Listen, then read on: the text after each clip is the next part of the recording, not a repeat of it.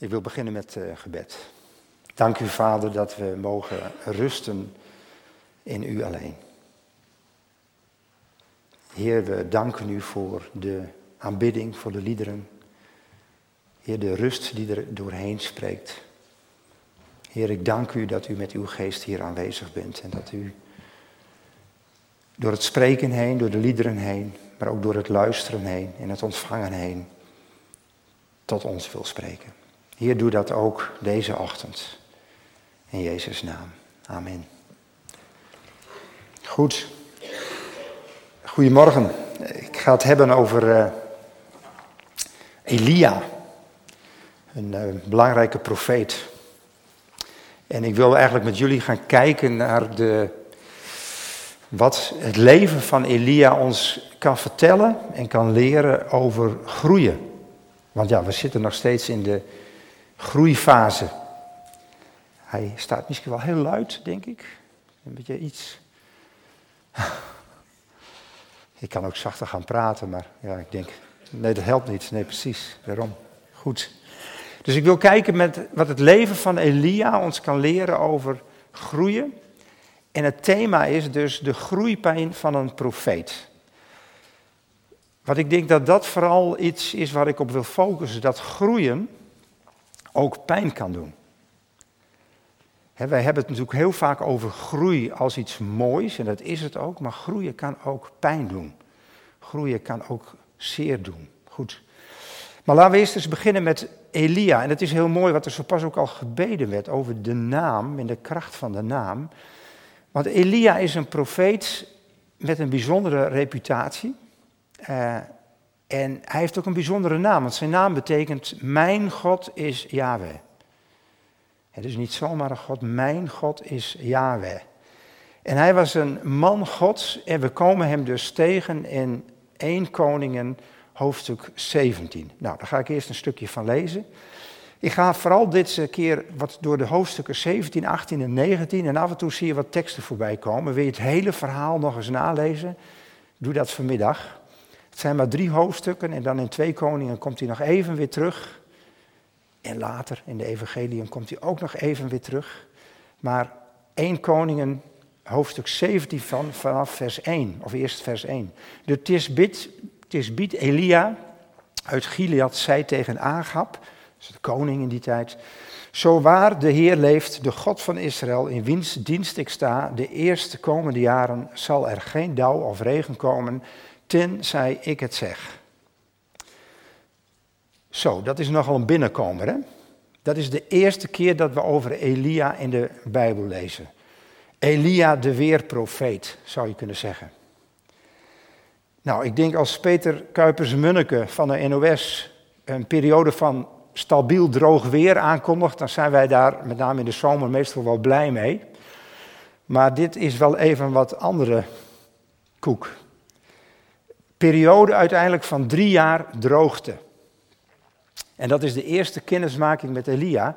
En dat is eigenlijk best gek. We lezen dat hij uit Gilead komt, maar verder weten we eigenlijk niks. We weten niet wie zijn ouders zijn, we weten niet hoe hij is opgegroeid, we weten niet wat voor werk hij deed, naast dat hij profeet was. Hij komt zomaar uit het niets, als het ware, de Bijbel binnenwandelen. En één keer is hij daar. Maar hij heeft ook direct vanaf het begin een hele duidelijke boodschap en waarschuwing. Want we lezen ook later, en daar vooraf lazen we dat ook al als je, als je koningen leest, dat koning Agab en zijn vrouw Izebel, die zijn drukdoende met afgoderij en daar waarschuwt hij dus tegen. Omdat er zo weinig over hem beschreven staat, wat er aan deze confrontatie vooraf ging, ja, dan ga ik dus bij mezelf een beetje verbeelden ja, wie is die man? En nou ja, met het risico dat je er zelf wat in gaat leggen, maar goed, je moet toch wat, hè? want hij komt ineens de Bijbel binnenwandelen. Nou, ik denk dat je ervan uit kunt gaan dat Elia volwassen is, een volwassen man. En ik denk ook dat hij uh, dus geestelijk gegroeid is. Hij is een geestelijk sterke man. En ik denk dat hij bekend stond als profeet en dat hij ook een zekere autoriteit had. Want dat moet wel, want hoe kom je anders bij de koning? Dus dat is een soort logische manier van denken. Kijk, als ik koning Willem iets wil vertellen, als ik denk van ik heb een boodschap voor hem, en ook al zou ik echt overtuigd zijn dat ik een boodschap van God heb, nou, dan is het nog een hele klus, denk ik, voordat ik bij de koning ben. Want ja, ik sta niet bekend als Harm de profeet. dus, dus de mogelijkheid om dan zomaar binnen te komen is vrij klein. Hij legitimeert zich ook direct, Elia, door te zeggen op wiens gezag hij dit zegt. Hij zegt van, ik ben een dienstknecht van de God van Israël. dus hij, hij weet namens wie hij spreekt. En ik denk dat dat ook zijn lef en zijn moed verklaart. Tegelijkertijd is Elia dus een hele doodgewone man, van vlees en bloed. Een man die, die als, als kind is opgegroeid, een man die, die ochtends wakker wordt, die moet eten, die moet slapen, die moet werken. Dus een mens, zeg maar, zoals jij en ik. Maar wel met een hele bijzondere roeping. Het is een mens zoals jij en ik, maar met een bijzondere roeping. En ik denk dat dat ook voor ons geldt. Wij zijn heel gewoon, maar wel met een bijzondere roeping. En ik denk dat ook een ieder van ons geroepen is om soms op bepaalde momenten als een soort Elia te zijn. Om namens God dingen te zeggen, om namens God iets te laten zien. En dat kan soms heel eenvoudig in je leefstijl. Ik denk als we het hebben over een, een fairtrade gemeente zijn, soms maak je al het verschil door de keuzes die je maakt. En laat je eigenlijk zien van zo kan het ook. Goed, wij worden dus eigenlijk allemaal geroepen, zou je kunnen zeggen. En ik denk dat degene die luistert en gehoorzaamt, die heeft een roeping. dus we worden allemaal geroepen en degene die luistert en gehoorzaamt, die heeft een roeping. En het heeft ook met groei te maken. dus en ik denk dat je ervan uit kunt gaan dat als jij geestelijk groeit, dat je richting je roeping groeit. En dan komt direct het thema van de preek erbij van, en dat is niet altijd leuk. dus soms wordt er een beroep op je gedaan. groei betekent dat, dat er een beroep op je wordt gedaan, dat je verantwoordelijkheid hebt te dragen. En het kan dus ook betekenen dat God jou vraagt om anderen dingen te vertellen waar ze niet op zitten te wachten. dat jij dus anders bent. En dat je iets doet of iets laat zien wat tegen de gevestigde cultuur ingaat. Wat jou kan vervreemden van anderen. En dat kan pijn, confrontatie opleveren. En dat is ook een consequentie van groei. dus dat kan groeipijn veroorzaken. Dat je vervreemdt ze zeggen ook wel eens dat je ergens soms uit kunt groeien. of dat je uit elkaar kunt groeien. Dat is ook groei. dus groei is niet alleen maar een kwestie van dat je beter wordt, sterker wordt, groter wordt, mooier wordt. Dat is misschien wel het beeld van groei dat wij heel vaak in onze cultuur hebben. een groeimodel. Dan wordt het steeds mooier en beter. En, en... Maar groeien betekent ook dat je af en toe echt anders bent. En het kan ook betekenen dat nadat jij die boodschap van God gebracht hebt, dat je eigenlijk direct daarna op de vlucht moet. En dat je dus naar de wildernis toe moet. Nou, en dat lezen we eigenlijk in het tweede vers van hoofdstuk 17. Daar staat dan, de Heer richtte zich tot Elia met de woorden, ga weg van hier, ga naar het oosten en zoek een schuilplaats in het Keritdal, aan de overkant van de Jordaan. Drinken kun je uit de rivier en ik heb de raven opgedragen je daarvan voedsel te voorzien. We lezen dus dat hij dan vervolgens, nadat hij die boodschap gebracht heeft, een tijd lang als een soort kluizenaar in de wildernis leeft of in de woestijn. En hij leeft van water uit de beek en de natuur via de vogels verschaft hem voedsel. Het is trouwens wel heel bijzonder dat het raven zijn. Want raven zijn in het Jodendom onreine vogels. Dat is apart eigenlijk. Hè? Maar ja, aan de andere kant, wie is Elia om daar moeilijk over te doen? Als God raven gebruikt om hem voedsel te brengen, dan kan hij moeilijk principieel gaan zitten doen. Dus raven brengen hem voedsel.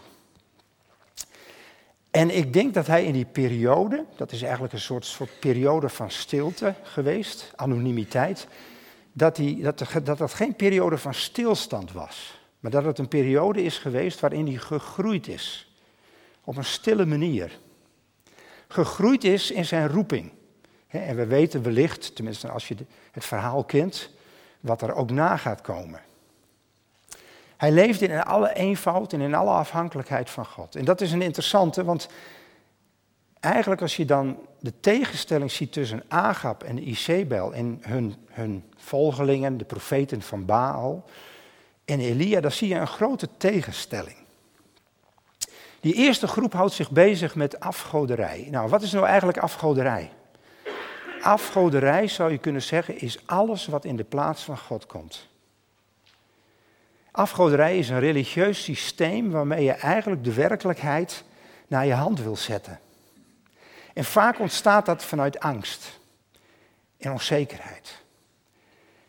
Een wereld waarin mens goden construeert, maakt, die hem zullen helpen om zijn eigen wensen en zijn eigen behoeften te bereiken. Een systeem van controle, van beheersing, van voorspelbaarheid. Dat is feitelijk afgoderij. Goden die je gegarandeerd helpen om succesvol te zijn. om te groeien, om sterker te worden, om beter te worden, om succesvoller te worden. Dat is afgoderij. Een systeem wat jou helpt. Waarbij je helemaal zelf in controle bent. En dat was wat Agap en Isabel eigenlijk deden in die tijd. Maar ook in deze tijd is er natuurlijk nog superveel afgoderij. Systemen, religieuze systemen, of soms niet-religieuze systemen, die, die ons helpen om alles te controleren. Om maar te groeien. En dat is een andere vorm van groei. Baal was trouwens een, oorspronkelijk een weergod een weergod. En die bepaalde dus of de oost wel of niet lukte. Of er wel of niet bloei of groei of vruchten waren. In de periode van droogte die dus Elia aankondigt, was eigenlijk zijn eerste aanval al richting de afgoden. drie jaren van droogte. Niks geen regen. Niks geen gunstige omstandigheden. Goed, de mensen die dus afgoden dienden en ook in die tijd hoopten daarmee eigenlijk hun economische groei te kunnen ja, beïnvloeden. Een andere betekenis van de naam Baal is eigenlijk letterlijk ook bezitterig, hebberig. Dat is eigenlijk wat het ook inhoudt. Nou, dat is aan de ene kant. Hè. Dat, dat is dus eigenlijk de, uh, de, de, de visie eigenlijk op de werkelijkheid van Agap en Isabel. Wij willen de werkelijkheid naar onze hand zetten. Wij willen groter worden. Wij willen succesvoller worden. En aan de andere kant heb je Elia. Eigenlijk ontdaan van alles. Simpel levend. Als een soort wilde in de wilde, in de woestijn. In alle afhankelijkheid van God. Niks controle, niks systeem. Afhankelijk van God. God voorziet. Ook in de wildernis. ook in jouw wildernis. God voorziet. Want Gods naam is Yahweh. Ik zal er zijn. Ik zal bij je zijn. En niet de mens beheert, beheerst zijn leven door groei. En leven en groei middels een systeem. Maar is afhankelijk van God. En soms stuurt God je de wildernis in zodat je in alle stilte kunt ervaren dat Hij bij je is. En dat Hij voor je zorgt. En Jezus attendeert ons hier ook op. Hè? Jezus zegt in Lucas 12, vers 24, zegt hij, maak je geen zorgen over de dag van morgen, maar let op de raven, zegt hij dan in Lucas. Ze hebben geen voorraadkamer, geen schuur, het is God die ze voedt. Hoeveel meer zijn jullie niet waard dan vogels? is trouwens interessant, Matthäus schrijft hier later ook over. Maar die heeft het niet over raven, maar die heeft het over vogels. En dat vind ik eigenlijk wel grappig. Matthäus, in mijn optiek, dat is mijn uitleg, Matthäus heeft de Heer zelf gecensureerd. Want Matthäus schreef vooral voor Joden. En ik denk dat Matthäus dacht van ja, als ik over raven begin, dat is niet een sterk verhaal. Dat zijn onreine dieren, dus laat ik er maar vogels van maken. Niks aan gelogen, maar raven zijn ook vogels. Vind ik zo mooi. Hè? Dus, dus Matthäus dacht van nou, ik moet het maar een beetje wat cultuur eigen maken. Nou, dat is ook mooi. Hè? Dat, is ook een, een, dat is ook best wel pinter eigenlijk. Dus dat je zelfs de boodschap van Jezus soms iets moet aanpassen om het cultuur eigen te maken. Van interessant, hè? Goed. Eigenlijk is hier de eerste bemoediging voor ons, de eerste levensles. Bij groei gaat het dus niet om een soort systeem die we ontwikkeld hebben. We hoeven geen plannen te hebben, geen interessante programma's of structuren. Nee, het gaat erom dat je in afhankelijkheid van God leeft. Kijk, Agap en Isabel, die, werden, die gingen steeds, je, je gaat lijken op dat wat je aanbidt, zeggen ze nou wel eens. Je gaat lijken op dat waar je heel veel aandacht aan besteedt. Agap en Isabel werden steeds hebbiger en steeds bezittiger. En die werden steeds ontevredener. En Elia in het dal van Kerit leefde super eenvoudig met God, zijn God, en voelde zich steeds met hem verbonden. Dus wij groeien en leven, zou je kunnen zeggen, in afhankelijkheid van God. Goed, terug naar het dal van Kerit. De beek is inmiddels opgedroogd. Uh, ook Elia zelf ontkomt niet aan, zijn, aan de droogte die hij zelf voorspelde. Dus ook de beek waar hij uit kon drinken, die droogde op. En dan lezen we in vers 7. Maar doordat het alma niet regende in het land, viel de rivier na verloop van tijd droog. Toen richtte de Heer zich tot Elia met de woorden: Ga naar Sarefat in de buurt van Sidon en neem daar je intrek. Ik heb een weduwe daar opgedragen je van voedsel te voorzien.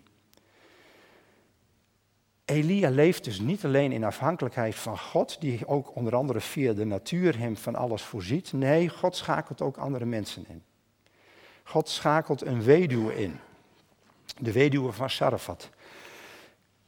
Is een bekend verhaal, is tot de verbeelding sprekend. Ik zou willen dat ik een kast vol had met potjes van Sarafat. Want dan is je voorraadbeheer altijd op orde. want als je het verhaal kent, de weduwe had eigenlijk niets Heel weinig nog, een beetje meel. Eigenlijk zei Elia van, maak, heb wat te drinken voor mij, geef mij wat te eten. En het laatste wat ze had, gaf ze.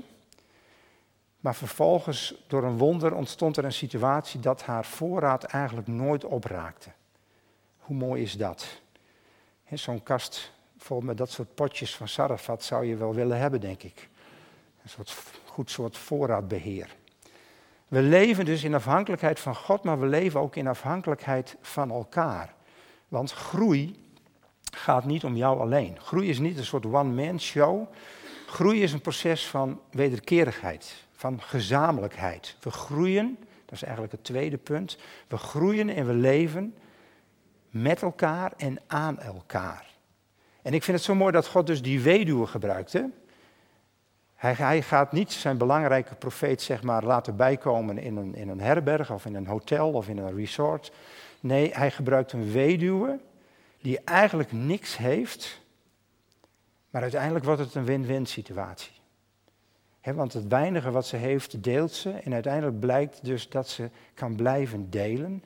En zelfs op het moment dat haar zoon uiteindelijk ziek wordt en sterft, dan werkt God via Elia en de zoon wordt weer levend, krijgt het leven weer terug.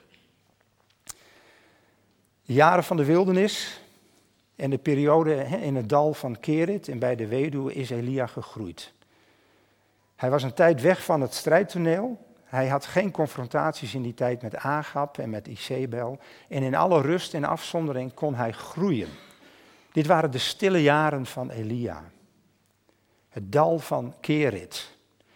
Ken jij, heb jij zelf ook zo'n dal van Keret in je leven?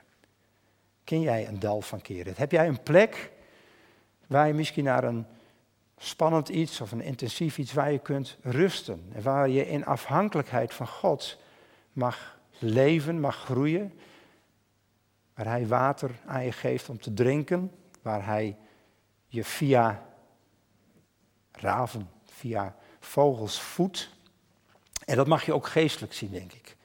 Heb jij een plek waar je gevoed wordt? En ook dan is het interessant om niet al te eenkinnig te zijn. Dat je soms ook gevoed wordt door raven, dat je denkt van ja, maar hoe kan dit mij nou helpen? Dit is toch misschien helemaal niet christelijk. Nou, God gebruikte dus onreine dieren om Elia te voeden. Dus sta open voor wat God jou geven wil.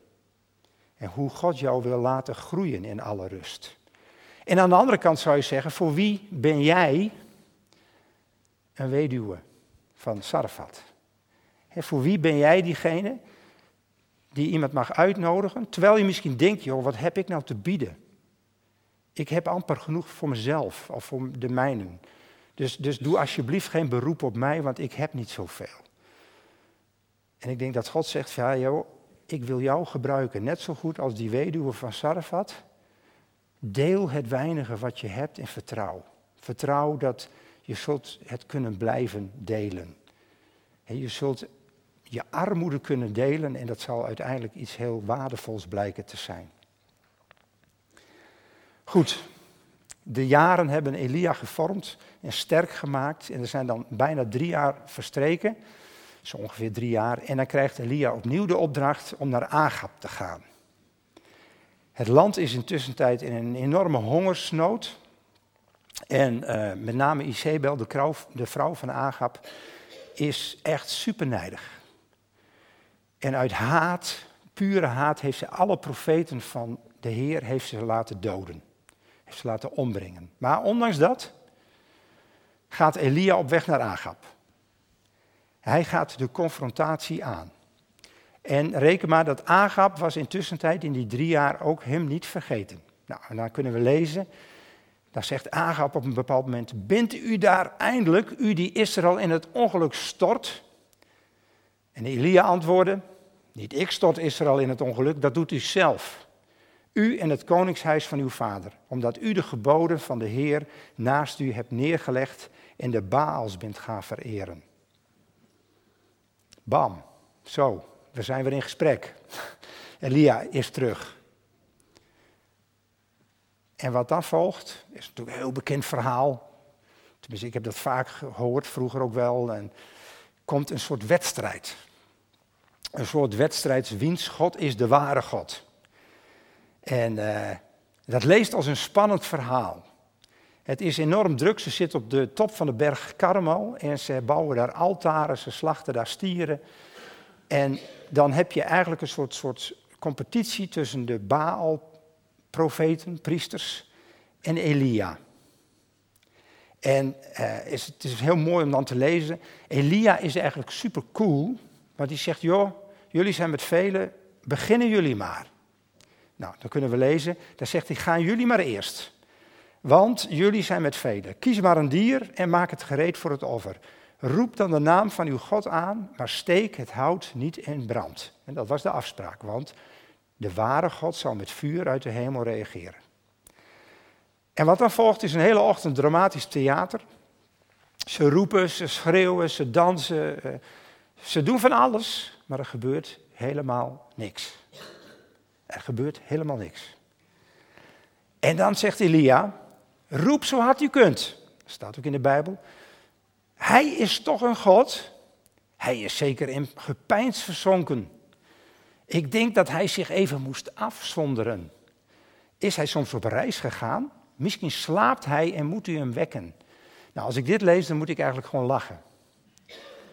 Het sarcasme van, van Elia eigenlijk. Hè? Wat een heerlijke vent. Wat een, wat een humor.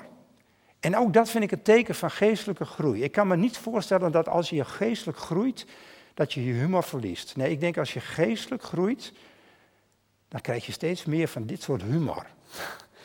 een tijdje terug sprak ik hier ook en toen had ik het onder andere over wat katholieken over heiligen vinden.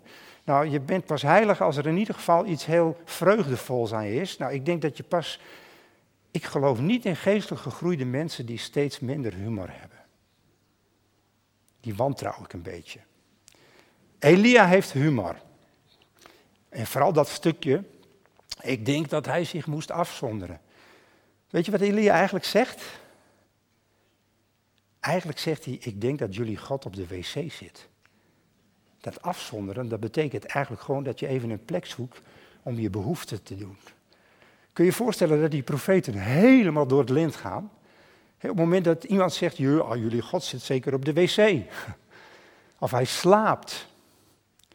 Nou, echt bijzonder. Nou, het, het altaar van die profeten blijft zonder vuur.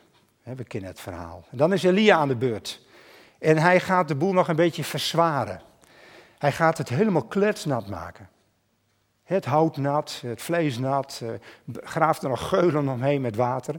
Om het als het ware te, te, iedere twijfel aan sabotage zeg maar, te voorkomen. Hij maakt er in één grote nou ja, soort, soort uh, waterballet van.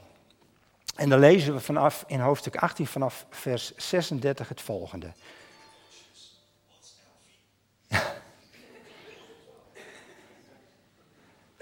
Was dat Siri die mij wou helpen of een suggestie of zo te doen? Ik weet het niet. Goed. Daar staat toen het uur voor het graanoffer was aangebroken, trad de profeet Elia op het altaar toe en zei: Heer God van Abraham, Isaac en Israël, vandaag zal blijken dat u in Israël God bent. En dat ik u dien en dat dit alles in uw opdracht gedaan heb. Geef mij antwoord, Heer, geef antwoord, dan zal dit volk beseffen dat u, Heer, God bent en dat u het bent die hen tot inkeer brengt. Het vuur van de Heer sloeg in en verteerde het brandoffer met brandhout, stenen, as en al. En zelfs het water in de geul likte het op. En alle Israëlieten zagen het en alle wierpen zich voorover op de grond en riepen, de Heer is God, de Heer is God. Wat een machtig mooi verhaal. Hè? Wat een machtig mooi verhaal. De ware God heeft zich laten zien. En het hele volk bekeert zich en Elia is de gevierde held. Of toch niet? Of toch niet? Elia voelt zich even supermachtig. In een opwelling van boosheid of overwinningsroes, ik weet het niet precies waarom hij dat deed, laat hij alle Baal-profeten doden. En daar heb ik eens wat onderzoek naar gedaan. En er zijn best heel veel redelijk betrouwbare Bijbeluitleggers die zeggen: dit deed Elia op eigen initiatief. Dit was niet wat God wou. Nou ja, hoe dan ook.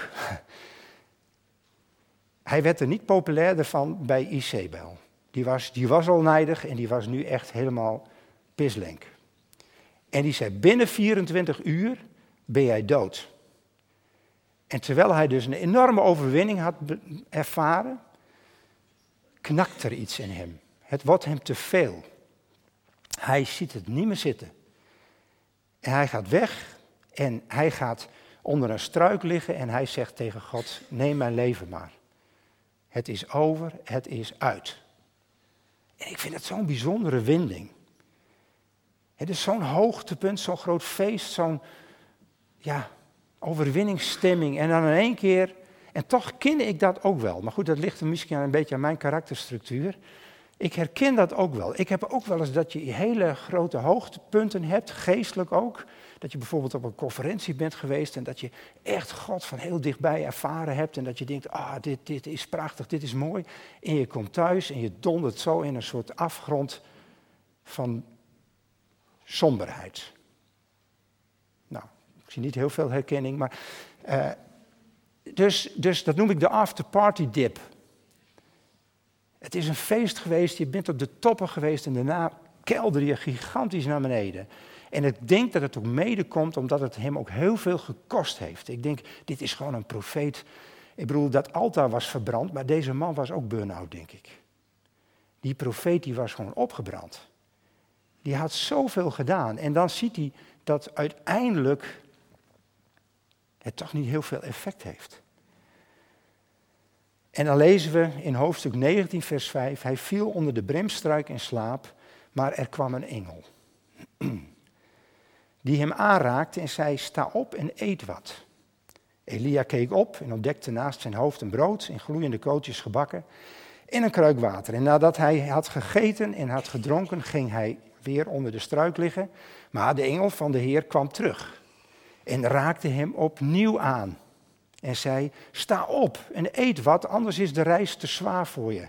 En Elia stond op en toen hij had gegeten en dronken, gedronken, liep hij gesterkt door het voedsel 40 dagen en 40 nachten door de woestijn, tot hij bij de Horeb kwam, de berg van God. En daar ging hij een grot binnen om er de nacht door te brengen. Nou, een heel stuk. Wat helpt je als je misschien zelfs naar een overwinning of naar een zware strijd of een zware inspanning, wat helpt je om weer op de been te komen? Wat helpt je om niet onder die struik te blijven liggen, of misschien onder je dekbed te blijven liggen, om weg te kruipen en te denken, zoek het allemaal maar uit. Wat helpt je? Het interessante is, je zou kunnen zeggen, wat helpt? Misschien bemoedigende woorden, eh, vermaningen, sta op, je hebt wat te doen, of eh, een liefdevolle aanmoediging. Ja, uiteindelijk wel, maar ik vind het zo'n prachtig stukje, want wat in eerste instantie helpt is veel eenvoudiger. Als we het over groei hebben en ook over geestelijke groei, namelijk rust en voeding. Rust en voeding. Stel je voor dus, die oververmoeide profeet met burn-out klachten ligt daar voor pampers in de woestijn. En wat doet God? Hij stuurt een engel. En hij stuurt een engel met een soort pita broodje en een kruik water en hij geeft hem te eten. En Elia, die, ik stel hem bijna zo voor dat hij eerst wat eet en wat drinkt en denkt van ja, lekker. En gaat weer liggen. En wat ligt er nou lekker dan dat je gewoon gegeten en gedronken hebt. Maagje rond, gewoon lekker weer liggen. En die engel die laat hem ook nog een tijdje liggen. En dan raakt hij hem weer aan en dan zegt hij van, nu moet je opstaan, eet nog wat, want anders is de tocht te zwaar. Nou, en dat is een krachtig broodje geweest. Want hij gaat vervolgens 40 dagen en 40 nachten lopen. En hij loopt dus, hij was in, op dat moment in Beersheba. En hij loopt naar Horeb. Nou, ik heb op Google Maps wandelfunctie, heb ik even gekeken, zei wel, je gaat door verschillende landsgrenzen. Google Maps was niet helemaal zeker of dit wel zou kunnen, vandaag de dag. Maar het is ruim 400 kilometer. Nou ja, dat valt mee, hè? 40 dagen, 10 kilometer per dag. Moet kunnen. Dus, maar hij liep dus 400 kilometer. En toen komt hij bij de berg Horeb. En hij gaat daar in een grot liggen, hij gaat in een spelonk liggen. En hij komt weer wat tot rust. En dan komt God weer. En ik vond het zo mooi dat we zo pas al zoveel liederen over stilte hadden. Want daar komen we straks ook nog bij. Over stil, wees stil mijn ziel. Hij ligt daar en dan komt God weer en die vraagt aan hem, Elia, wat doe je hier? En ik denk niet dat dat, dat het een vraag is van, dat God denkt van, ja, wat doe jij nou hier, hè, op die locatie? Of wat doe jij hier? Hè? Dus God wist dat wel. En dat soort vragen, dat is hetzelfde dat God aan Adam en Eva vraagt van waar ben je? Hè? Toen wist God ook wel waar ze waren. Maar God stelt die vraag niet omdat hij daar zelf beter van wordt. Hij stelt die vraag omdat wij er beter van worden. Wat doe je hier? Dat is een existentiële vraag. Wie ben je? Wat doe je hier? Waar ben je toe geroepen? Waar heeft God je voor nodig? En dan gaat Elia eigenlijk heel vermoeid reageren. Hij zegt dan, hè, dan moet je thuis nog maar eens nalezen van, ja weet je, ik heb met volle inzet, heb ik alles voor u gedaan. En uh, de Israëlieten hebben toch, ondanks alles, toch weer het verbond naast zich neergelegd. De altaren verwoest, uh, de profeten gedood. Het is allemaal voor niks geweest. Dat is zijn reactie. En hij is nog niet uitgepraat en op dat moment steekt er een enorme wind op. Een storm. Rotsen beginnen te kraken. Een lawine stenen stort naar beneden. En Elia denkt, zou dit een teken van God zijn? En hij komt tot de conclusie, nee, God is niet in, dit, in deze storm. En dat is nog niet voorbij. Of de aarde begint te beven. De aarde wankelt, afgronden openen zich voor zijn voeten. Er gebeurt van alles en opnieuw denkt hij, zou God hierin zijn? In deze machtige manifestatie? Nee, God is daar niet in. En de aarde komt tot rust en ineens verschijnt er een vuurgloed. Ja, God zal toch wel in dat vuur zijn, maar dat was toch ook op die, op die, op die karmel. En alles verterend vuur trekt voorbij, maar ook daarin staat er dan in 2 Koningen, of 1 Koningen 19, staat was de Heer niet.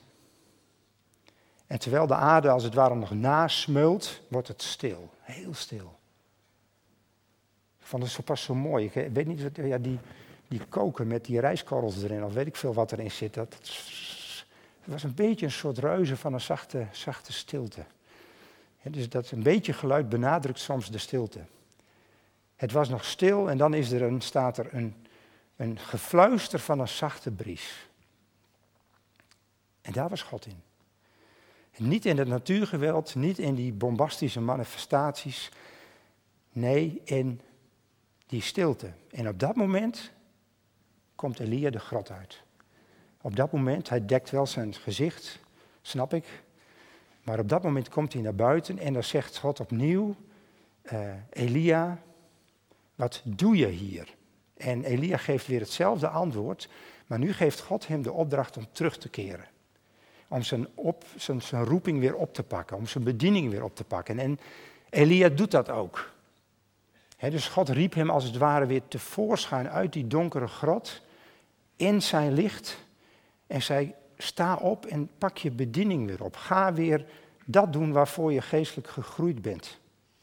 En toen liep hij naar de woestijn van Damascus. Is opnieuw, moet je maar eens nakijken, weer een eind lopen. En dus er gaan ook hele periodes overheen. Wij lezen het altijd zo vlak achter elkaar, maar er gaan hele periodes overheen. En Elia krijgt de opdracht onder andere om koningen te salven. Onder andere ook weer confrontaties aan te gaan met, met koningen, onder andere met Agasja, de koning van Israël. En hij krijgt uiteindelijk de opdracht ook om zijn opvolger, Elisa, te salven en hem zijn mantel te geven. Groei heeft ook te maken met dat je ook iets doorgeeft. dus we groeien, onze geestelijke groei, onze groei als gemeente, is ook iets wat je doorgeeft aan anderen. Nou, Elia wandelde zomaar de Bijbel binnen. zonder voorgeschiedenis, zonder introductie. Maar hij wandelt niet zomaar de Bijbel uit. In 2 Koningen hoofdstuk 2 kunnen we lezen hoe hij uiteindelijk met vurige wagens ten hemel vaart. Een leven dat onopvallend en onbeschreven begint, eindigt glorieus. Hoe mooi is dat? En is dat het laatste wat we van Elia horen? Nee, in de evangeliën komt hij nog een keer zomaar voorbij. Op de berg Tabor. Samen met Mozes en Jezus. Elia, zou je kunnen zeggen, is dus iemand die zomaar verschijnt. Die er ineens is. Dat is ook de reden dat de Joden zeg maar, bij de sedermaaltijd altijd een extra stoel hebben voor Elia. Want zo plots hij de, de Bijbel binnenwandelt, zo kan hij ook zomaar ineens in jouw leven komen. En Elia is ook de profeet die de Messias uiteindelijk aankondigt. En Johannes de Doper wordt ook vergeleken met Elia. Elia kan zomaar verschijnen, want dat is zijn roeping. Als wij willen groeien in onze roeping, dan moeten wij beseffen dus dat we dit in afhankelijkheid van God doen. Dat we dit alleen in gezamenlijkheid kunnen doen. En dat we door periodes van succes, maar ook door periodes van tegenslag zullen gaan. En dat groeien dus pijn doet en ons kan uitputten. Dat zie je dus heel duidelijk bij Elia. En als we uitgeput en opgebrand zijn, hebben we rust en voeding nodig. Geestelijk, maar ook lichamelijk. ze zeggen soms ook wel eens, ik moet er eerst een nachtje over slapen. Dat is echt wijs. God geeft het ze beminden in de slaap. nu ben ik wel een slaper, dus ik hou heel erg van slaap. Dus die tekst gebruik ik vaak te pas en te onpas. Maar ik denk wel dat rust en voeding goed voor je ziel en voor je lijf zorgen, dat het belangrijk is. Vertrouw erop dat er ook altijd wel ergens een engel in de buurt is. Die je zal voeden. En die je aanraakt en die zegt, joh, eet wat. Of een weduwe die je gastvrij ontvangt. Of misschien zelfs wel raven die je voeden, die je helpen. En zoek af en toe, zou ik zeggen, een dal van Kerit op. Zoek af en toe een plek op waar je helemaal alleen kunt zijn. Of zoek af en toe die grot op waar je kunt schuilen, waar je even tot rust kunt komen en waar je uiteindelijk het gefluister van de stille stem van God kunt horen. Want uiteindelijk roept Hij je weer tevoorschijn uit die grot. Weer in het volle licht, omdat Hij je jouw bediening, jouw roeping wil geven. En ik zou daar nog heel lang over door kunnen gaan, maar ik moest hierbij ook aan Lazarus denken. Het verhaal van Lazarus, die ook als het ware uit een grot tevoorschijn wordt geroepen. Het leven in. Nou, komende woensdag begint de 40 dagen tijd. En er is natuurlijk nog iemand die uiteindelijk uit die grot tevoorschijn kwam. Die grot van het graf op die stille paasochtend. Ik denk dat op die stille paasochtend We lezen over dat er aardbevingen zijn geweest die de steen wegrolden, maar uiteindelijk was er in mijn optiek, is mijn fantasie misschien, ook een stille stem die zei, mijn zoon, kom naar buiten. Treed weer in het licht en leef. En zo zegt hij ook tegen jou en tegen mij, sta op, kom naar buiten, ga op pad, groei en groei steeds meer richting je roeping. Zullen we bidden. Vader in de hemel,